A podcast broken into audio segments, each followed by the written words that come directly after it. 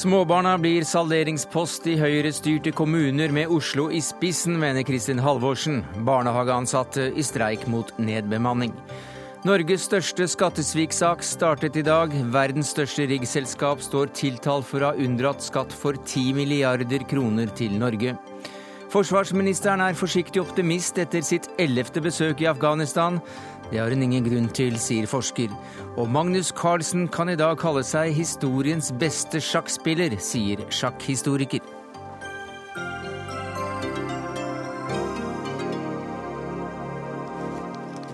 Ja, det er noen av sakene i eh, Dagsnytt 18 denne onsdagen, der vi også tar inn eh, vår korrespondent utenfor presidentpalasset i Kairo, der demonstranter for og mot presidenten nå har barket sammen. Men vi eh, begynner med erstatningen etter terrorangrepet i Oslo og på Utøya. Nylig kom meldingen fra klagenemnda om at summen blir nesten dobbelt så høy som statens første tilbud. Knut Magnus Berge, kommentator her i NRK, hva betyr det? Nei, eh, det, eh, det, som dette innebærer, er jo at eh, de erstatningssummene som nå, man nå sikter på å måle ut etter Utøya, de er mer i tråd med de klare politiske signalene som gikk ut både fra Justisdepartement og storting, om at erstatningssummene i denne saka måtte ligge spesielt høyt. At dette er en helt ekstraordinær sak, og at det måtte få konsekvenser også for erstatningsbeløpene. Så har en del såkalte piloter pilotsaker vært behandla ved Kontoret for voldsoffererstatning. Og eh, erstatningsbeløpene ble der sett mer likt det nivået en har hatt i andre typen saker. og Derfor var òg skuffelsen stor.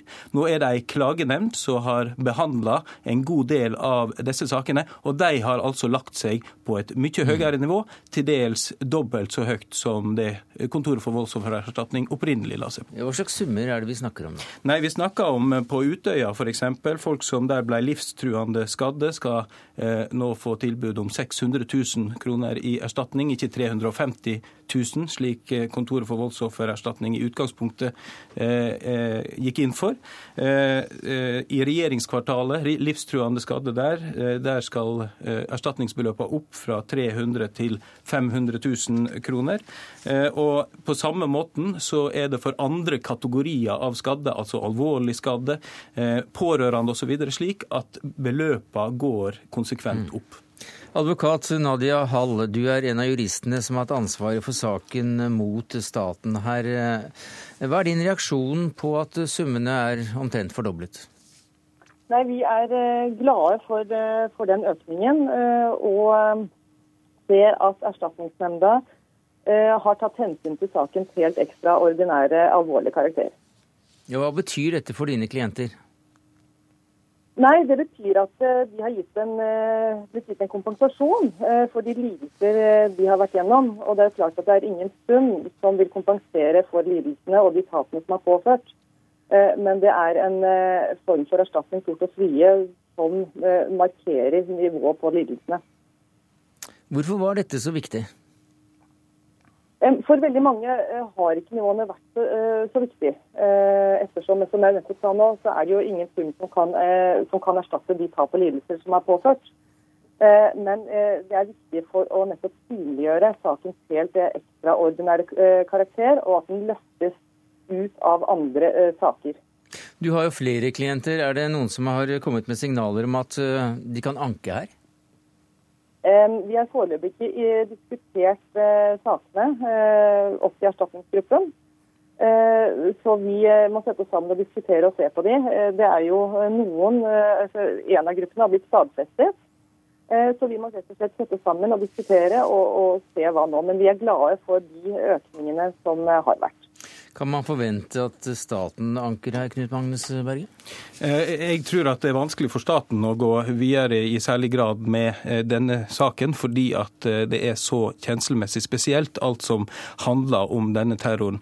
Det som en kan slå fast, er i alle fall at det gikk klare signal ut fra politisk hold om at erstatningssummene skulle ligge høyt i denne saka, og at det skulle være regna for å være en helt ekstraordinær sak. Det måtte jo være, hvis en føler at dette har en slags smitteeffekt til andre typen saker, at en kunne vurdere å gå videre. Men jeg tror det er vanskelig å, å gå videre her, sånn sett. Takk skal du ha, Knut Magnus Berge, kommentator i NRK, og til deg, Nadia Hall, advokat for etterlatte.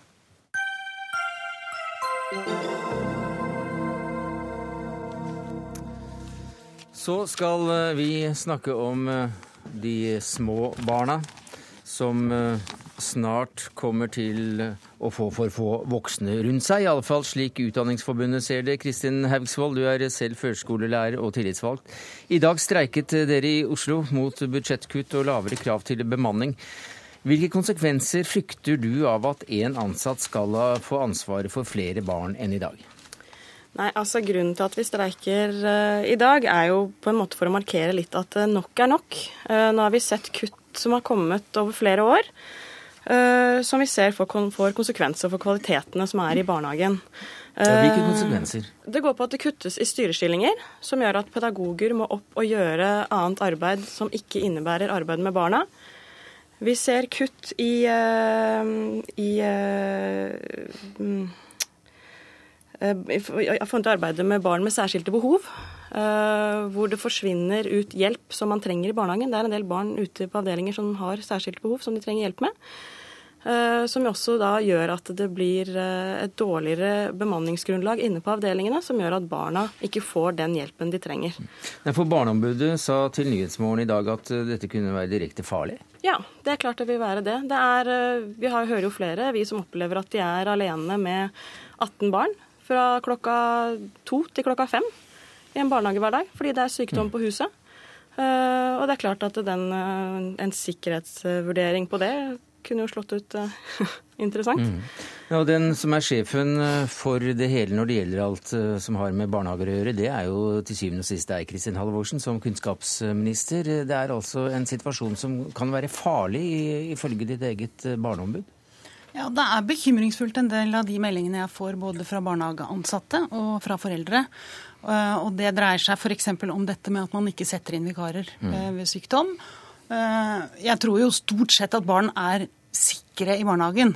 Men vi har jo høyere eh, ambisjoner enn som så. Vi vil jo at barnehagen skal være et godt sted å være. Vi vil at alle barn skal bli sett mm. hver dag. Og vi vil at det skal være en, en, pedagog som har mulighet for å lage opplegg som gjør at vi vet at barn utvikler seg godt. For nå går nesten alle barn i barnehage før de begynner på skolen.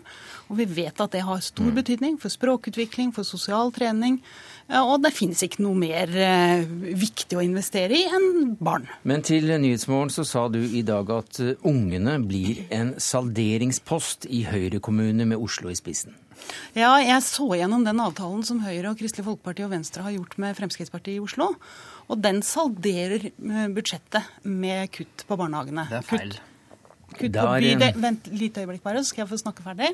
Eh, kutt på bydelene, som jo har ansvaret for driften av barnehagene, men også privatisering av barnehagene og salg av barnehager i den hensikt å spare penger. Eh, og det syns jeg er veldig bekymringsfullt, fordi kommunene har fått ansvaret for barnehagene fordi de har intenst bedt om det, og det ligger mange muligheter der for kommuner som har ambisjoner. Men hvis de små skal være salderingspost Eh, når Høyre og Fremskrittspartiet gjør opp budsjett, så er det mm. veldig bekymringsfullt. Det var feil, sa du, Torgeir Rødegård, ja. byråd for kultur og utdanning. Høyre. Mm. Ja, det var feil alt sammen, stort sett. Mm. Uh, bortsett fra at jeg er enig med kunnskapsministeren i at uh, jeg tror vi kan være enige om at norske barnehager er trygge. Uh, at det er veldig mange flinke medarbeidere som gjør en veldig god jobb. Barnehagen tilbud er også et av de tilbudene kommunen har ansvar for som foreldrene gjennomgående er veldig godt fornøyd med. Vi, hva er feil? Jeg tror at vi kan, hva, hva er feil? vi skal snakke om ja. sektoren. Ja, vi Nei, skal ikke vi, snakke om sektoren, nå skal vi snakke om det som du sa var feil. Ja, Det er feil at vi bruker barnehagene som en uh, salderingspost. Uh, og Jeg synes også, jeg skjønner heller ikke hva Kristin Halvorsen sier når vi, når vi snakker om privatisering. Det jeg kan snakke for, da, er den tiden jeg har vært barnehagebyråd i Oslo. Og da har, jeg, da har jeg gjennomført en kommunalisering av Oslos barnehager. Når jeg overtok, så var 40% av barnehagene kommunale, eh, og 60% var private. Nå er det, nå er det snudd trill rundt. Nå er 60 om lag av våre barnehager er i kommunal regi, og resten er mm. private. Jeg syns det er fint at vi har en blanding av kommunale og private barnehager. Jeg syns det er rart at vi har en barnehageminister som snakker ned de private mm. barnehagene. De private barnehagene, altså Barnehagesektoren er en sektor hvor private tok et initiativ og et ansvar lenge før. Men det var dette med salderingspost som du ja, også mener faktisk er feil? Hvor kunnskapsministeren sier at vi salderer budsjettene i Oslo ved å kutte i barnehagene. Mm. Det er feil. Ja, la, la, oss da høre hva Halvorsen sier. Ja, jeg kan ta punkt 13 i denne avtalen, som dreier seg om å selge barnehager og privatisere barnehager, og starte med de dyreste kommunale. Det må jo være for å spare penger. De skal ta bort den avsetningen på 105 millioner kroner i 2016 til bygging av nye barnehager, at det trekkes tilbake. at det at det selges til privat barnehageutbygging. Dette er jo ikke fordi man ideelt sett syns at det er så fint med flere private barnehager. Det er jo én hensikt bak dette, og det er å spare uh, penger. Det er feil. Og det Men det er jo bare å lese din egen avtale, eh, byråd Ødegaard. Og da har jeg bare lyst til altså, vi har, Så vidt jeg vet, så har Kristin Halvorsen satt av 20 millioner kroner til kompetansehevingstiltak for alle barnehagene i Norge til neste år. 20 fattige millioner kroner. Oslo alene skal bruke 80 80 millioner kroner de neste åra til kompetansehevingstiltak for medarbeiderne, til etter- og videreutdanning. Vi skal faktisk betale for at vi får flere førskolelærere i Oslos barnehager. Det er egentlig ja, det er egentlig Kristin Halvorsens ansvar. Det er statens ansvar å sørge for at vi har nok førskolelærere. Det har vi ikke. Derfor må kommunen ta ansvar for å utdanne flere. Vi eh, setter av penger til norskopplæring, for i Oslo så har vi en utfordring med at noen av medarbeiderne våre har for dårlige kunnskaper i norsk. Så vi har en gedi... Det har aldri eh, i nyere tid vært satt av så mange penger til kompetanseheving, mm. til kvalitetsutvikling Og det er vel aldeles utmerket, Kristin Halvorsen. Og så sier Halvorsen at vi Og så snakker hun det bare ned. Mm. Men det syns jeg er fint og flott, og det Takk. skulle bare mangle. Fordi at mangle. Oslo kommune er arbeidsgiver for de ansatte i barnehagene i Oslo. Og en god arbeidsgiver sørger for at de ansatte kan utvikle seg og få økt kompetanse. I tillegg så bidrar staten med 154 millioner bare på kompetanseheving og, og ekstraordinære utdanningstiltak. Pluss at vi selvfølgelig utdanner en masse nye barnehagelærere. Så i sum mm. er det en voldsom satsing på dette. Men jeg tror noe av det som har skremt barnehageforeldre, det er at Ødegaard har sagt rett ut at det er ikke noen sammenheng mellom hvor mange som jobber i en barnehage og kvaliteten på den barnehagen. Og det eh, er jo en, hva skal man si, en eh, overraskende uttalelse for alle som har vært borti en ettåring og en toåring i det seinere. De kan ikke undervises i auditorier med 100 stykker. Er de feil også, Ødegaard? Ja, jeg har ikke sagt er... Denne setningen er tatt ut av en sammenheng. Vi har sagt at det er viktig å satse på medarbeidernes kompetanse. Det er viktig å utdanne flere og sørge for at vi har flinke medarbeidere.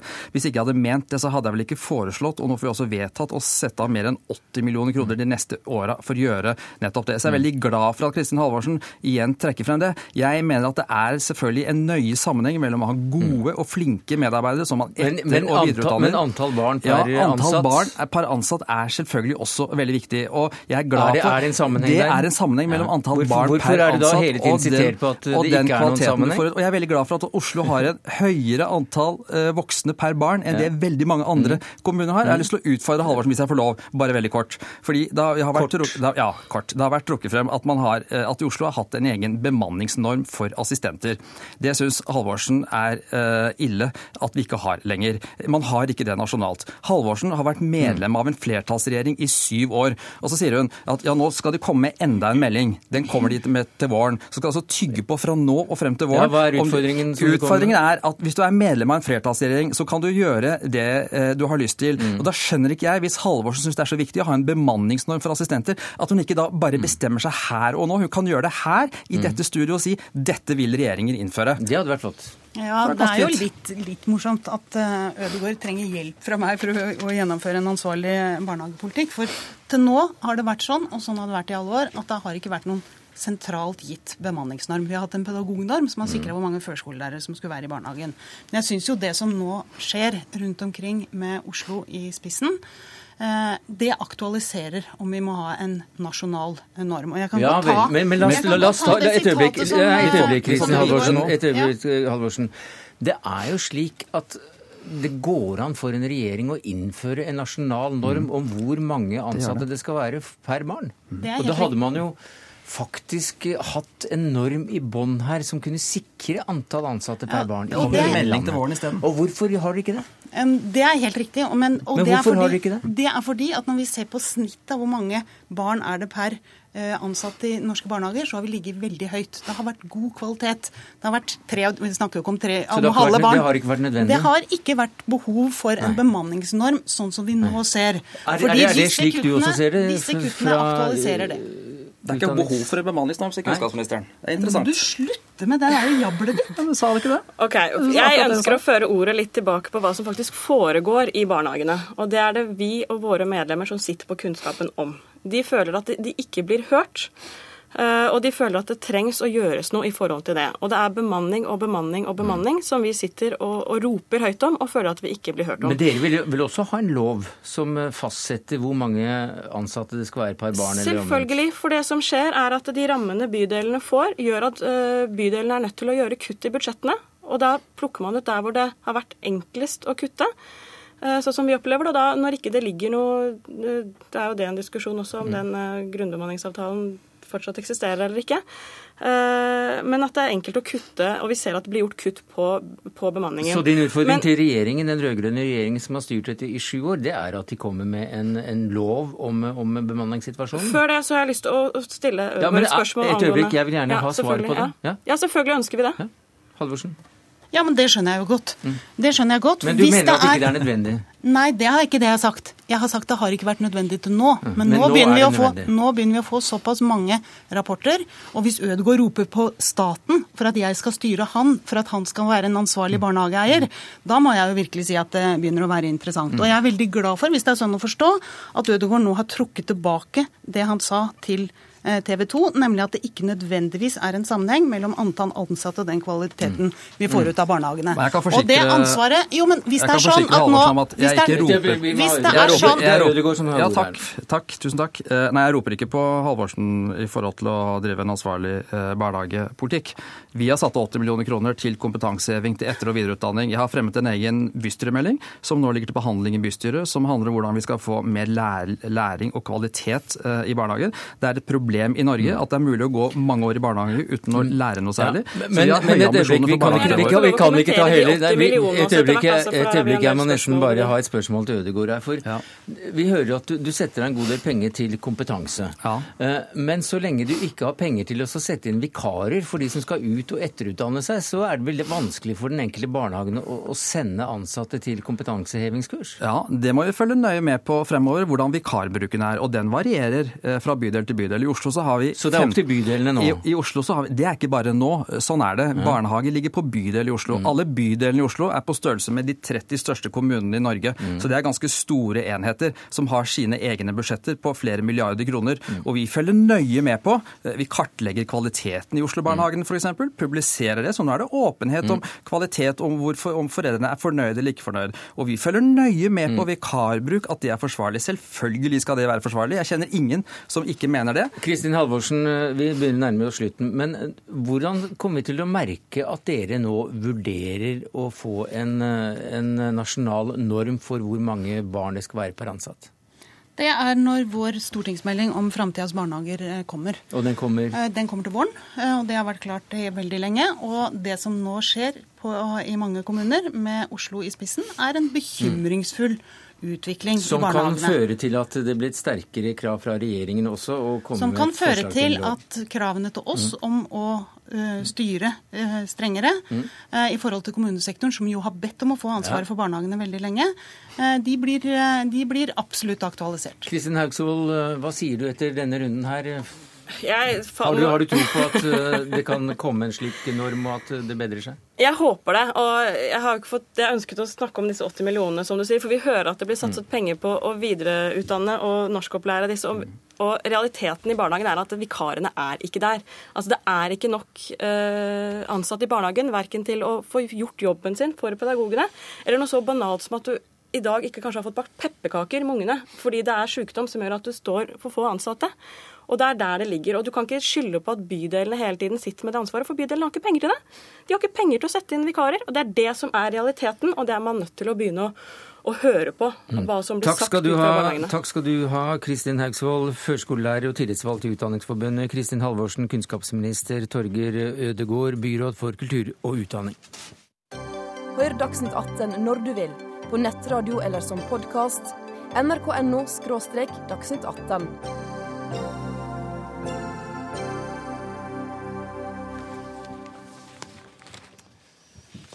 Ja, Tidenes største skattesviksak startet i Oslo tingrett i dag. Det multinasjonale oljeriksselskapet TransOcean, verdens største eller nest største, står tiltalt for grovt skattesvik i 10 milliarder kroner-klassen. Tiltalt er også tre norske rådgivere som hjalp til med skatteplanleggingen. Økonomireporter Tore Tollersrud, hva kom fram i retten i dag? I dag var det jo Økokrimsdag. Aktor førstestatsadvokat Morten Eriksen skal holde på ikke mindre enn fem dager på sitt innledningsforedrag, en sak som skal vare i åtte måneder. Eh, I dag så eh, kom jo han med sin hovedpåstand, som også da kommer eh, fra tiltalen, nemlig at han mener at TransOcean har eh, unndratt 10 milliarder kroner i beskatning til Norge. Han mener også at dette er mer enn en, en bare en vanlig straffesak. Han mener at dette dreier seg om eh, store globale systemer som bruker eh, relativt kreative metoder for å unngå å betale skatt i de landene de driver virksomhet. Og TransOcean har jo vært en stor aktør på norsk sokkel også. Men du sier kreative metoder. Hva er det som har vært spesielt kreativt her? Ja, de, eh, Økokrim mener jo å kunne bevise at eh, penger eh, som er skapt på norsk sokkel, kan være utbytter, gevinster av, av virksomheten, er ført gjennom såkalte skallselskaper og da videre til til såkalte skatteparadiser, slik at man da i realiteten har unngått å betale skatt av disse pengene. Så hører vi en historie om at en rigg er, har tatt en liten omvei ut fra norskekysten og, og inn i internasjonalt farvann og var der i åtte timer, og, og, og det ble det penger av. Ja, det er jo slik denne saken startet. Det er jo Skatt Vest i Stavanger som begynte å se på dette litt eh, spesielle forholdet. Riggen Polar Pioner som oppholdt seg eh, noen få timer i internasjonal sektor. Og i løpet av disse få timene så skiftet da eh, dette selskapet eier. Og på den måten så mener da Økokrim at, at penger er unndratt beskatning. Men dette er bare ett forhold. Det er også flere forhold som denne tiltalen omfatter. TransOcean uh, kunne ikke komme. Uh, Økokrim kunne ikke komme. Berit Reiss-Andersen, du er kommet som advokat og forsvarer for en av de som er, har kommet med skatteråd, og som nå også er tiltalt. For din klient er tiltalt for grovt skattesvik, og holdes også økonomisk ansvarlig sammen med det multinasjonale selskapet. Hva synes han om det? Det synes han naturlig nok er forferdelig. Det er veldig spesielt. Um, det sier seg selv. Det jeg gjerne vil kommentere, det er noe av det som nettopp har blitt sagt nå. Eh, for det første må jeg minne om at heller ikke selskaper eller de personer som her er tiltalt, er skyldige før de er dømt. Og jeg har hørt nå hele helgen Økokrim komme med litt sånn fargerike fremstillinger av hva dette dreier seg om, bl.a. denne riggen som dro ut i internasjonalt farvann. Ja, vi har ikke sagt noe, noe om at noen er dømt her, vi har sagt de er tiltalt, Nei, og det jeg, er vel riktig? Jeg, jeg, jeg, har et behov for å presisere det. Eh, og at det er ikke noe suspekt nødvendigvis i at en rigg taues ut i internasjonalt farvann. Og er der i åtte timer og så inn igjen? Ja, f.eks. skip og, og fly. La meg fullføre. Skip og fly selges tradisjonelt alltid i luften eller mm. internasjonalt farvann. Og det er jo ikke det som er begrunnelsen for den turen i internasjonalt farvann, som er begrunnelsen for den skatteløsningen som ble valgt. Mm. Retten skal bruke åtte måneder på å sette seg inn i hva dette dreier seg om. Jeg tar ikke mål av meg å greie å fremstille faktum i løpet av de minuttene vi har til disposisjon, eller eh, å sitte her og forhåndsprosedere. Men jeg synes det er viktig å si fra at det er en betydelig avstand i virkelighetsoppfatningen mm. mellom forsvarer og Økokrim ja. i denne saken. Og litt forhåndsprosedyring driver jo du da med i eh, Det er i sånn- standpunktet. Ja. Eh, men eh, Mona Thowsen, du er generalsekretær i noe som heter Publish What You Pay, en organisasjon som jobber for åpenhet og ansvarlighet i betalinger, mottak og forvaltning av inntekter fra olje-, gass- og gruveindustrien. Medlemmer over hele verden, så å si. Hvordan vurderer du og dere denne saken? Jeg vil ikke kommentere saken generelt. Eh, jeg vil si at Publish OTP i Norge er opptatt av at vi ser at multinasjonale selskaper, særlig i ekstraksjonsindustrien I hva? Utvinningsindustrien, mm. olje, gass, ja. gruveindustrien. Gjerne ønsker å utvinne naturressurser over hele verden, mens de samtidig forsøker å unngå skatt i noen land. Og det gjør de ved ganske enkle papirøvelser og ved å føre transaksjoner gjennom datterselskap eh, og gjennom jurisdiksjoner som har lite innsyn. Eh, og da oppnås eh, ofte en virkning der hvor det betales lite skatt. For Zambia så førte det til at de satt igjen med 3% av eksportverdien på kobber. Og interessante spørsmål da er hvor ble resten av pengene av? Og sekretessejurisdiksjoner de er en, en viktig del i, i ligningen her. Fordi det gjør at eh, det er ingen lands skattemyndigheter som får eh, informasjonen når den først er låst inne i skatteparadiser. Informasjonen om hva som faktisk skjer, finnes kun to steder. Det finnes én enten innad eh, bak selskapets vegger, eller to hos tilretteleggerne som har stått for transaksjonen. Eh, det er dramatisk for utviklingsland som har behov for å mobilisere egenkapital for utvikling. Eh, samtidig så eroderer det også skattegrunnlag i, i rike land. I finanskrisen så ser vi at, eh, at også rike land er tappes. Det, ja. det, er ingen land som er skånet for bruk av disse mekanismene. Nei, for det, dette er jo altså know-how om hvordan man skal unngå å betale så mye skatt. Det, jo, det må jo være en, eh, en konkurran et konkurransefortrinn. Mm. Og sånn sett så må det være en helt eh, grei og, legal eh, virksomhet å, drive og, og rådgi eh, store selskaper om hvordan man skal unngå det. Mm. Det er viktig å rådgi om hvordan man kan følge loven. problemstillingen oppstår når det er utviklet seg en global og lukrativ industri av ulike former for tilrettehold. Ja, hvorfor er det et problem? Fordi det sekretessjurisdiksjoner eh, tillater at man kan skjule informasjon om eh, aktiviteter, eierskap, hvem som opererer på vegne av hvem, eh, fra de som trenger, trenger innsyn. Altså et, En problemstilling som vi sliter med fremdeles i, dag. Scandinavian Star, hvor 160 mennesker døde. Det, vi fant ikke ut hvem som mm. egentlig eide skipet. Hva syns du er eh, spesielt interessant i denne saken? Eh, du fulgte retten i dag. Ja. Eh, dette er problemstillinger som utviklingsland er sjanseløse eh, når de møter dette systemet. Det er interessant å se hvordan det norske rettssystemet håndterer denne typen eh, saker. Hvordan da? Altså, vi, vi, vi, har ikke større innsyn eh, enn andre nasjoner når informasjon er låst inne bak selskapets vegger eller hos tilretteleggere. Mm.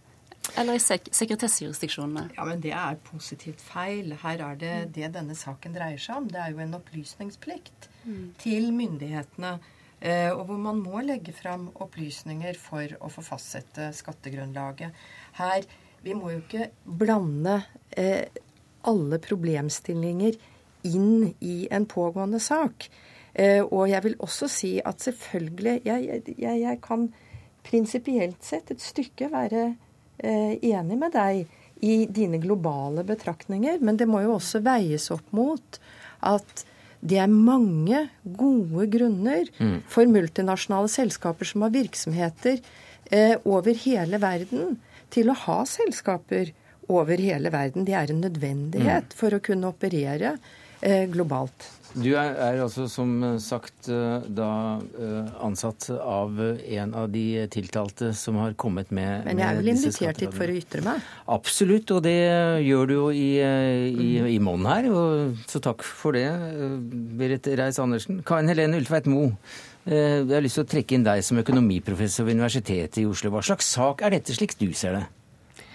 Det jeg syns er interessant med det. Og for, å si sånn, jeg kjenner ikke saken detalj, jeg kjenner de overordnede tingene. Det, uh, for meg er det interessant for at uh, en sak som er interessant fra en generell synsvinkel, fordi at den illustrerer to ting. Den illustrerer utfordringen til multinasjonale selskaper som opererer i flere jurisdiksjoner, og som ønsker en mest mulig eh, effektiv skatteplanlegging. Og de ønsker å balansere akkurat slik at de planlegger og ikke unndrar.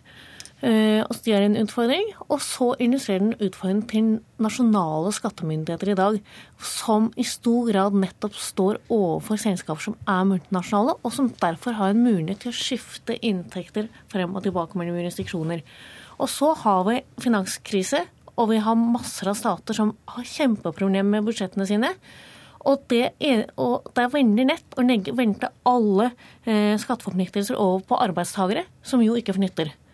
Eh, men ideelt sett så ønsker jeg å fordele det på selskaper og mennesker. Og når selskapene på en måte bare kan flytte på ting, så blir den fordelingen vanskelig, og så får vi store mm. ulikheter. Og så får vi den typen reaksjon som vi fikk i Frankrike i forbindelse med det statsbudsjett, hvor de sa at nå var de så lei at store selskaper ikke betalte skatt, at nå bare legger vi skatt på store selskaper.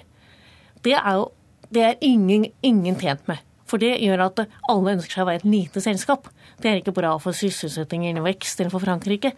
Men, men, det viser på en måte litt desperasjonen til nasjonale skattemyndigheter fordi at de på en måte ikke greier å å, kjempe mot da, de multinasjonale selskapene. Nei, for Det minner meg litt om, om doping. At uh, regelverket og metodene for å, ta, ta, eventuelt juks nødvendigvis nesten må henge, henge etter.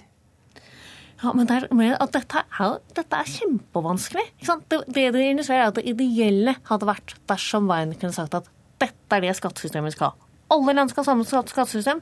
Og så hadde vi hatt fullstendig sett med skatteavtaler mellom landene, som gjorde avklarte hvem som skal ta skatteinntektene når et eh, selskap opererer i begge landene. Men det har vi jo ikke. Selv ikke EU hvor, som har blitt enige på så mange områder om likelydende regler, har man greid å få til skatteharmonisering. Der har lavskatterlandene strittet imot absolutt hele tiden. Så det er ikke mulig å få til. Så du sier, ikke sant, Når vi ikke kan få det til i Europa, hvordan skal vi da få det til i hele verden? Mm. Det, ja, men dette er ja, dette er kjempevanskelig, og det er synd at man ikke får det til bedre. For det er, det er viktig for hvordan på en måte for, for, øh, for, for, hvem som skal sitte igjen med, med, skatteregningene, og for dem på hvilken type samfunn vi skaper, og hvilke spenninger vi eventuelt kan få mellom mennesker og, og selskaper.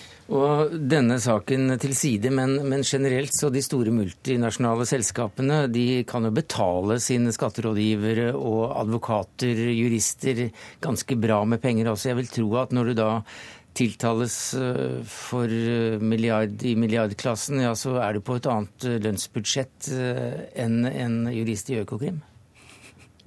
Det vil jeg også tro at de var. Men, men, men, men det viser det at det, det, det, og, og både for selskapene og for staten, så blir jo utgangspunktet at denne typen saker er jo en voldsom la meg sette det på spissen, ressursløsing. Eller kanskje ikke sløsing, men i hvert fall det er voldsomme ressurser som brukes både på, på skatteplanlegging i utgangspunktet og på å kjøre inn mm. den typen saker. Som en spørsmål er bare hvordan, hva er det som gjør at vi greier å skrinlegge den typen ting? Og mm. det er, tror jeg nesten er umulig. Det blir i hvert fall spennende å se i månedene som kommer. Over et halvt år skal denne saken ta. Takk skal du ha, Berit Reiss-Andersen, advokat Mona Tovsen, generalsekretær i Publish What You Pay, og Karin Helene Ulfeit Moe, økonomiprofessor ved Universitetet i Oslo.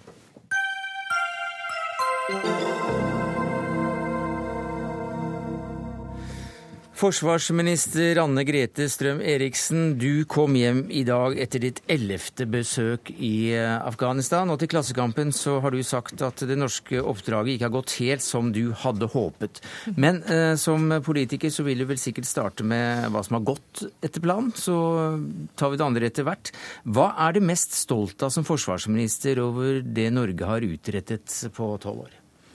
Altså Det jeg er mest stolt av, det er jo eh, de norske soldatene. Hvordan de har eh, jobbet og trent eh, opp afghanske, den afghanske hær. Slik at selv om ikke det er fritt for sikkerhetsrelaterte hendelser i Faryab, provinsen hvor vi hadde et ansvar, så er det i hvert fall den afghanske hæren i stand til å håndtere situasjonen. Og det er viktig. Og så er det selvfølgelig også det oppdraget som gjøres i Kabul. og vi har flybidrag nå. Vi, har, vi, kommer til å ha politimentorering etter eh, jul. Og jeg vil si at Norge har bidratt både substansielt og veldig med veldig god kvalitet mm. i de bidragene vi har hatt. Sju år har du uh, mm. vært uh, ut og inn av, av det landet. Mm. Hva slags forandringer er det du har sett? Altså ikke, du, du, kan ikke unngå å se at uh, det er en vekst, spesielt i Kabul. Jeg må jo innrømme det at jeg har ikke vært veldig mye rundt, for jeg har vært på en veldig kort besøk, men jeg har hatt mange møter. Og jeg har, jeg har, jo kjørt såpass mye gjennom Kabul at jeg har sett eh, veksten. Det er tre år siden jeg var der sist. Mye bygging. Eh, økonomien går bedre. Eh, det er klart det er fattigdom, og, og eh, det burde vært enda bedre, men, eh, men det, er, det, er, tross alt en framgang. Og det som er, som jeg har merket nå, og som jeg ikke har fått så veldig inntrykk av tidligere, det er det at det er en litt gryende optimisme i Afghanistan.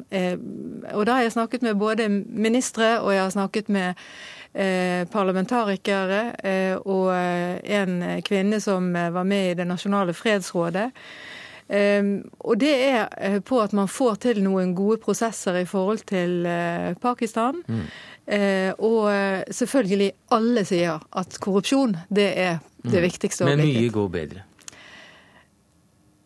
Jeg vil si at eh, det er en, en svak bedre. optimisme. Ja, noe går bedre. Altså, det, er tvi, det er ikke tvil om at, at en del går, ting går mm. bedre, men hvis man er veldig optimistisk, så er det alltid noen som slår deg ned. Eh, det, så jeg har ikke jeg, har, jeg, altså, noe lyst til det? Jeg har ikke lyst til å være så altfor optimistisk. Altså, jeg er optimist, jeg er optimist, mm. for det, jeg velger òg å være optimist. Eh, og jeg, jeg, må si jeg var glad for å se at, eh, at en del ting går bedre. Er du optimist, Helge Lurås, leder ved Senter for internasjonal strategisk analyse? Nei, jeg er nok ikke veldig optimist med tanke på hva som er Afghanistans eh, framtid. Men jeg tror ikke vi skal dømme det til, eh, til undergang heller, nødvendigvis. Det er en veldig dynamisk, eh, dynamisk, sett av variabler, og mye avhenger selvfølgelig av hva amerikanerne velger å gjøre etter 2014, mm. om hvorvidt de blir stående eller ikke. På en måte så kan kanskje en fullstendig uttrekning fra Nato og USA frata Taliban noe av motivasjonen, og sånn sett også berolige noen av de regionale partene, da spesielt Pakistan, som ikke ser ut til å ønske fortsatt amerikansk tilstedeværelse. Og Pakistan har jo i hvert fall tillatt Taliban å operere, så det kan jo i seg selv være stabil litt stabiliserende. Men nå har jo amerikanerne planer om å bli, og da tviler jeg på om de vil klare med kanskje 5 000-15 000 personer å stabilisere en situasjon som de ikke har klart å håndtere med til sammen 150 000 mm. soldater. Og jeg oppfatter vel ikke den, unnskyld, den afghanske hæren til å være i stand til å overta den krigføringen fullt ut som Nato har drevet. Og det er jo kanskje et av de viktigste spørsmålene eh, som vi må stille oss nå. Vi hørte forsvarsministeren si at noe av det hun var mest stolt av, og, og at eh, norske styrker har bidratt med, det er akkurat opplæring av eh, den nasjonale armeen. Ja, og jeg tror man skal gi det det at eh, foreløpig så ser den afghanske hæren ut til å klare å holde rimelig kontroll i Faryab etter at de norske styrkene dro ut. Når det har gått kort tid, men eh, på, hva skal jeg si, på lavere avdelingsnivå. Enkeltmannsferdighetene til eh, afghansk personell det har nok blitt mm. bedre. Men det som påpekes der, er jo eh, hva skal jeg si, sterke svakheter når det gjelder logistikk, etterforsyning, etterretning osv., som vil mer eller mindre bli borte når Nato trekker seg ut. og Det er jo en vesentlig del av en hær som består av 250 000 mann og en stor også politistyrke. Så hvorvidt det er bærekraftig, det systemet vi har nå, det gjenstår å se. Men Lurås, går det an å si noe om generelt at den norske tilstedeværelsen har vært bra eller ikke for landet? Altså, norske bidraget har jo vært del av en større operasjon som amerikanerne har leda. Og uansett hva Norge hadde gjort eller ikke, så ville ikke det gjort eh, stor forskjell totalt sett. Det er den amerikanske strategien som her har eh, påvirka og dominert situasjonen, er den som har vært mislykka som sådan. Jeg tror det er en erkjennelse i Forsvaret selv nå om at de har vært litt for aggressive i Faryab og kanskje provosert fram en del uro som ellers ikke ville vært der. Når det gjelder den sivile biten og bistanden fra norsk side, så tror jeg nok den relativt sett har vært bedre enn de fleste andre som har vært kjørt i Afghanistan. Men Norge utgjør ikke forskjellen i Afghanistan, så, så det hjelper på en måte ikke om Norge, uansett hvor gode Norge hadde vært.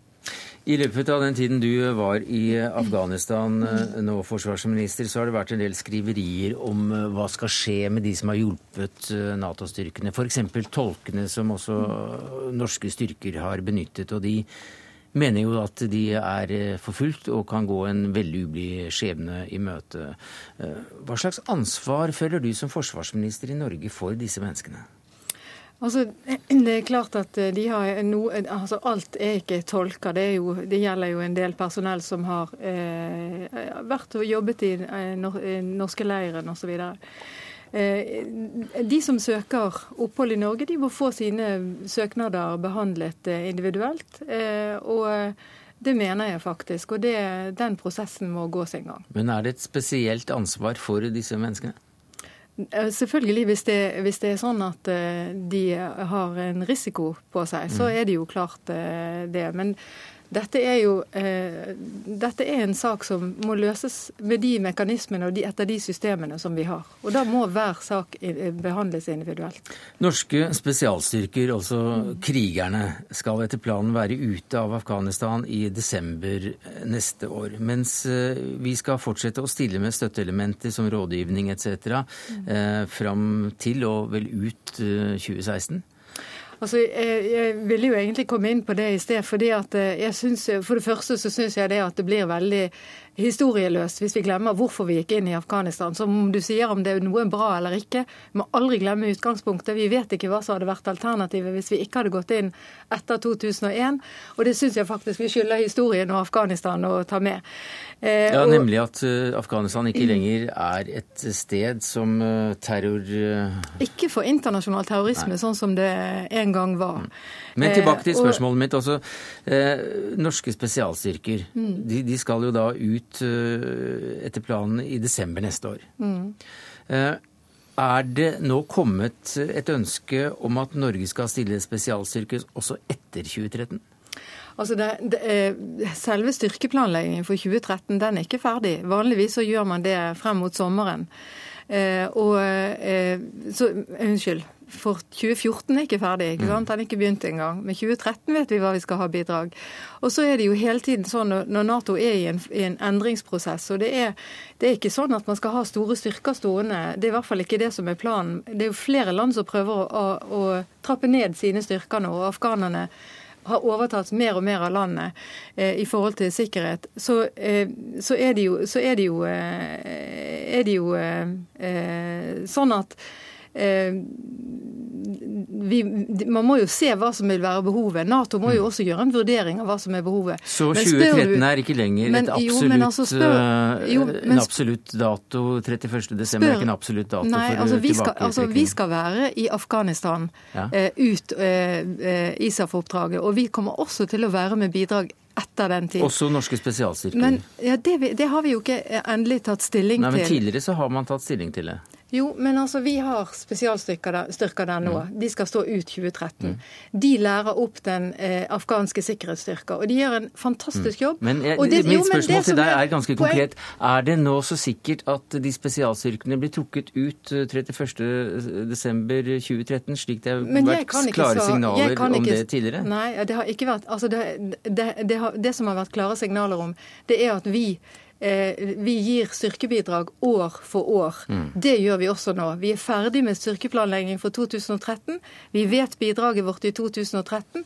Så må vi se hvilke behov har Nato, hvilke behov har ISAF, og hvilke behov har denne eh, responsenheten, disse sikkerhetsstyrkene, for eh, fortsatt opplæring mm. og støtte. Det kommer vi til å vurdere grundig, for det er ikke tvil om at afghanerne ønsker å ha de, eh, de, norske spesialstyrkene. Og vi skal selvfølgelig gjøre en mm. grundig vurdering av det. Og Nato har kommet med signaler om at de ønsker spesialstyrker etter 2013. Altså, det, er ikke, det er ikke usannsynlig at spesialstyrker, men da er det generelt, mm. kan, komme til å være en del av bidraget som er i Afghanistan etter 20, mm. 2013. Men per i dag så kan ikke jeg si til deg eller noen andre hva vi skal ha av bidrag i 2014, mm. men vi skal bidra. Det vet vi. Mm. Takk skal du ha, Anne Grete Strøm Eriksen, forsvarsminister, og Helge Lurås, leder ved Senter for internasjonal og strategisk analyse.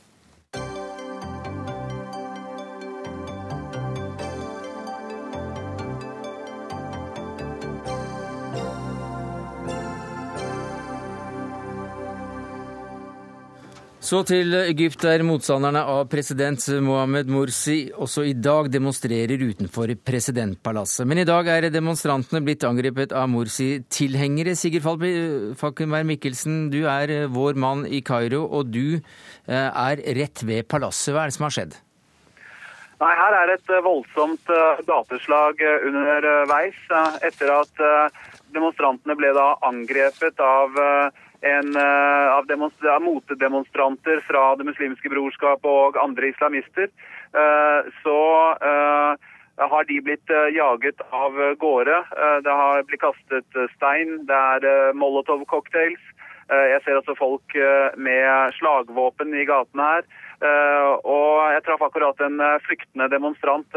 Vi måtte ta beina til fat, alle mannen her, fordi det ble Han hadde på seg en hvit hjelm Eh, men den dugde ikke, sa han. fordi eh, på den andre siden, altså på eh, de som støtter president Mohammed Morsi, de brukte hagler. Og en av kameratene hans hadde blitt skutt i øyet. Slik at dette er et, et av de mest alvorlige hendelsene i siden Mohammed Morsi ble valgt til president her i Egypt. Ja, er, det, er det kamper nå mellom de som støtter og de som er motstandere av presidenten akkurat nå? Ja, ja, det foregår uh, noen hundre meter unna meg. Uh, voldsomme kamper med molotov-cocktail som jeg sa, som kastes uh, over frontlinjen og, og masse steiner. og Det som er det foruroligende her, er jo at dette har jo satt mange andre krefter i spill for å komme ut hit hvor presidentpalasset er her ligger, eh, og for å delta da i kampene. Eh, og Det er også veldig mange inne på Taharir, hvor de har en teltleir som er urolig for at uh, president Mohammed Mursis tilhengere skal angripe der også. Så dette kan bli en tøff natt i Kairo. Hvordan forholder politi og militære seg? Jeg har ikke sett et eneste, eneste politi her. Verken på Tahrir-plassen eller utenfor presidentpalasset. Det sto jo noen politifolk der i går, men de trakk seg veldig raskt tilbake. Eh, og politiet holder seg, holder seg, helt unna, og det samme gjør hæren. Så dette er, er gateoppgjør mellom, eh, mellom, gjenger som er mot president Mohammed Morsi, og, og, og også da eh, de som er for. Ja, Hvordan vil du beskrive atmosfæren i hele hovedstaden nå? Nei, Den er veldig spent. Det har, dette har jo bygd seg opp eh, gradvis de siste ti-tolv dagene etter at Mohammed Morsi kom med dette nå Eh, berømte dekretet sitt hvor han stilte seg selv over eh, loven, eh, og deretter presset gjennom Grunnloven. Det satt jo fyr på mot, de motkreftene som finnes mot Morsi her. og De har vært i gatene siden. De har hatt voldsomme, store gatedemonstrasjoner. Og så har jo da brorskapet, det muslimske brorskapet og deres allierte på salafistsiden også prøvd å ta tilbake gateplanet. De holdt en demonstrasjon en svær demonstrasjon også på lørdag. Eh, sånn at det er, det er, veldig spent, og særlig da i fravær av noe ordensmakt som kan eh, holde disse, disse fra hverandre. Takk skal du ha, Sigurd Falkenberg Mikkelsen, altså rett utenfor palasset til president Morse. Bjørn Olav Utvik, du er professor ved Institutt for kulturstudier og orientalske språk ved Universitetet i Oslo. Hva sier du til dette? Nei, Det er helt tydelig at eh, det er en veldig maktkamp som pågår i, i øyeblikket. Eh, det første vi kan si er jo at her, i denne situasjonen er, eh, er, det ikke svart eller hvitt. Det er, eh, det er to grupper som rett og slett slåss om makta, slåss om hvilken posisjon de skal ha i det nye Egypt som skal vokse fram, forhåpentligvis en eller annen gang komme fram etter revolusjonen. Men også Molotov-cocktails og hagler? Det er fare Faren nå er at polariseringa har gått eh, så langt. Det var, det var, synlig allerede i oktober da jeg var der, at, at på begge sider av denne tilspissende fronten mellom islamister og, og, og, sekulære grupper, så har man ingen tiltro til hverandre. og man, eh, Tvert imot så tror man hva som helst som blir retta beskyldninger mot den andre. Det har gjort stemningen ganske, ganske hatsk, og nå ser det ut til å være en veldig farlig utvikling i så måte. Ja, Hvor farlig? Nei, den er det, det, er litt vanskelig. Kan det, kan det spre seg? Kan det, altså, her, når man går løs på hverandre med Molotov-cocktails uh, Yttergruppene her, så Ja, altså i, i verste fall altså Det verste scenarioet er jo at dette skulle spre seg utover i, i Egypt til andre mm. byer. Altså Det har jo vært tilløp til det eh, allerede. Nå er nok styrkeforholdet litt sånn ulikt i ulike deler. De, de sekulære er nok klart sterkest i Kairo. Eh, men det er klart at sånn, samme type motsetninger finner vi i Alexandria, Suez og andre byer. Så det er en fare. Hvilke grupper er det vi ser nå i aktivitet? Det er, hvis vi ser på det politiske spillet, så er det særlig tre, tre grupper. Det er naturligvis islamistene. Eh, og Islamistene hadde en fordel at i de valgene som har vært, så har de vunnet. De vant parlamentsvalget, de vant eh, presidentvalget, og dermed så har de også kommet til å dominere den grunnlovgivende forsamlinga, som er jo litt av stridens eple her, i hvert fall formelt sett. Eh, og så har vi de sekulære eh, gruppene, som spenner fra venstreradikale via nasjonalister til mer liberale krefter. Eh, som ikke ser blitt på at islamistene skal dominere et fremtidig Egypt. Og så har vi en tredje gruppe, og det er resten av det gamle regimet.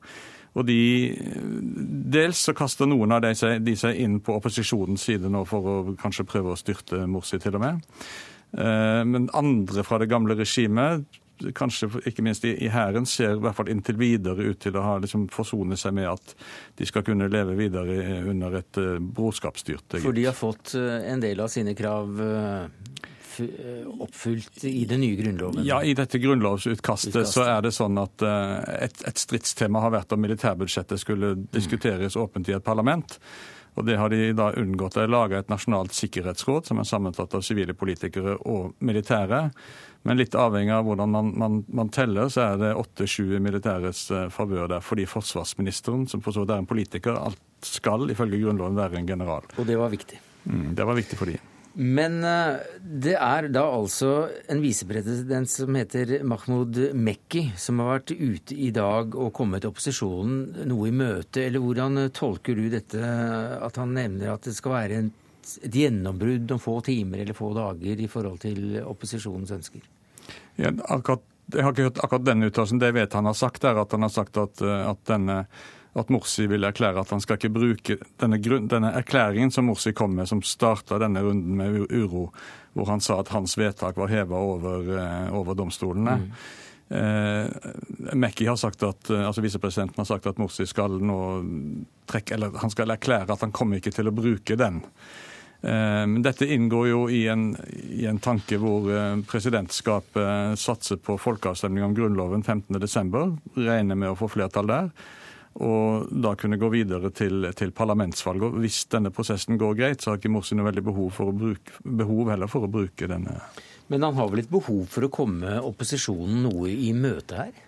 Helt, helt klart. Og det er flere måter han kunne ha gjort det, på. Han kan naturligvis han kan utsette avstemninga om Grunnloven, f.eks. Si at det trengs mer tid for å for å, å, å debattere den. Og, men en, en, måte å komme den i møte på er jo dette å trekke tilbake denne erklæringen om å være heva over, eh, heva over loven. Det er klart han, han, må det fordi dersom Egypt skal bygge et demokrati En ting er at noen har flertall og noen har mindretall, men det må skapes over tid en form for tillit mellom de to en, en sameksistens hvor kan, noen kan vinne et valg, og de andre kan fortsette å være aktive og håpe på å mm. vinne mm. neste valg. og Da må han komme de i møte. Gi fra seg makten uh, frivillig, f.eks. Mm. Ja. Men uh, da er vi tilbake til, uh, til, det som skjer akkurat mens vi sitter her utenfor presidentpalasset. Altså mm. åpne kamper mellom tilhengere og motstandere av presidenten. Mm. Uten at politi og militære er til stede. Hva leser du ut av det? Nei, Det mest interessante her er at politiet ikke, ikke er til stede. For det har vært uh, mye spekulasjoner, for den skyld beskyldninger også frem og tilbake mellom de to gruppene om hvem som står i ledtog med det gamle regimet. Politiet og hele tatt Innenriksdepartementet, som kontrollerer sikkerhetsstyrkene, er stort sett ureformert. Og han som sitter som minister for eh, innenriksministeriet, og dermed sjef for politiet, han er en av eh, Mubaraks gutter. Det at de nå ikke stiller opp her, kan jo få en til å tro at det er noen der som ser seg tjent med at det skapes kaos, for så å kunne rykke inn. Men dette blir jo bare spekulasjoner. Men det er i hvert fall veldig påfallende da, at de ikke er her og søker å skape ro. Det er påfallende. Takk skal du ha, eh, Bjørn Olav Utvik. Vi følger selvfølgelig eh, det som skjer i Egypt tett utover kvelden i våre nyhetssendinger. Takk skal du ha som professor ved Institutt for kulturstudier og orientalske språk ved Universitetet i Oslo.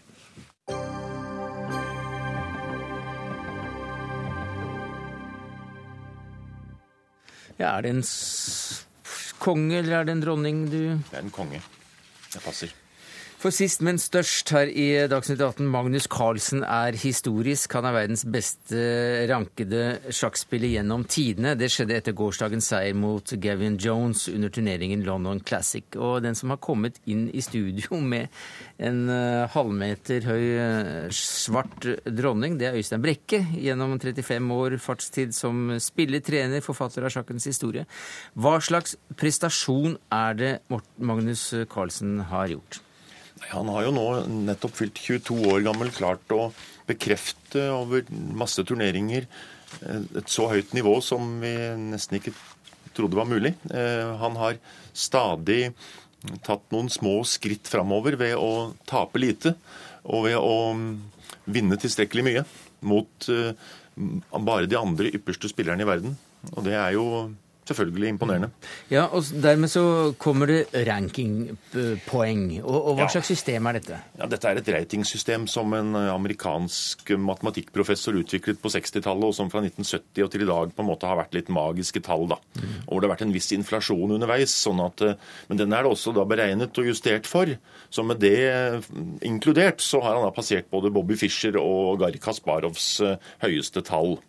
Men det er klart, eh, det er jo vanskelig å sammenligne helt over tid. Og nå har jo sjakkspillet 500 eh, års eh, tid med de nåværende spillereglene. så som sjakkhistoriker så er det så, er jo en fin overskrift å si at du er tidenes beste. og Det er kanskje typisk norsk å være tidenes beste, men Jo, men Går det an å si det ut fra denne rankingen? Um, Eller ratingen? Ja, altså Det er i alle fall slik at Han har den høyeste ratingen i, den tiden som dette har vært målt. Ja. Og, og, og, um, Fischer og Kasparov har jo kanskje vært regnet som de to beste spillerne gjennom tidene. Så, så det som skjer, er jo at Magnus Carlsen, uten å være verdensmester i sjakk ennå, annet enn at han har vunnet et VM i lynsjakk, så har han likevel da eh, kommet inn i det sjiktet av de ypperste spillerne. Mm. Og at, at, at man verden over ser på han som det.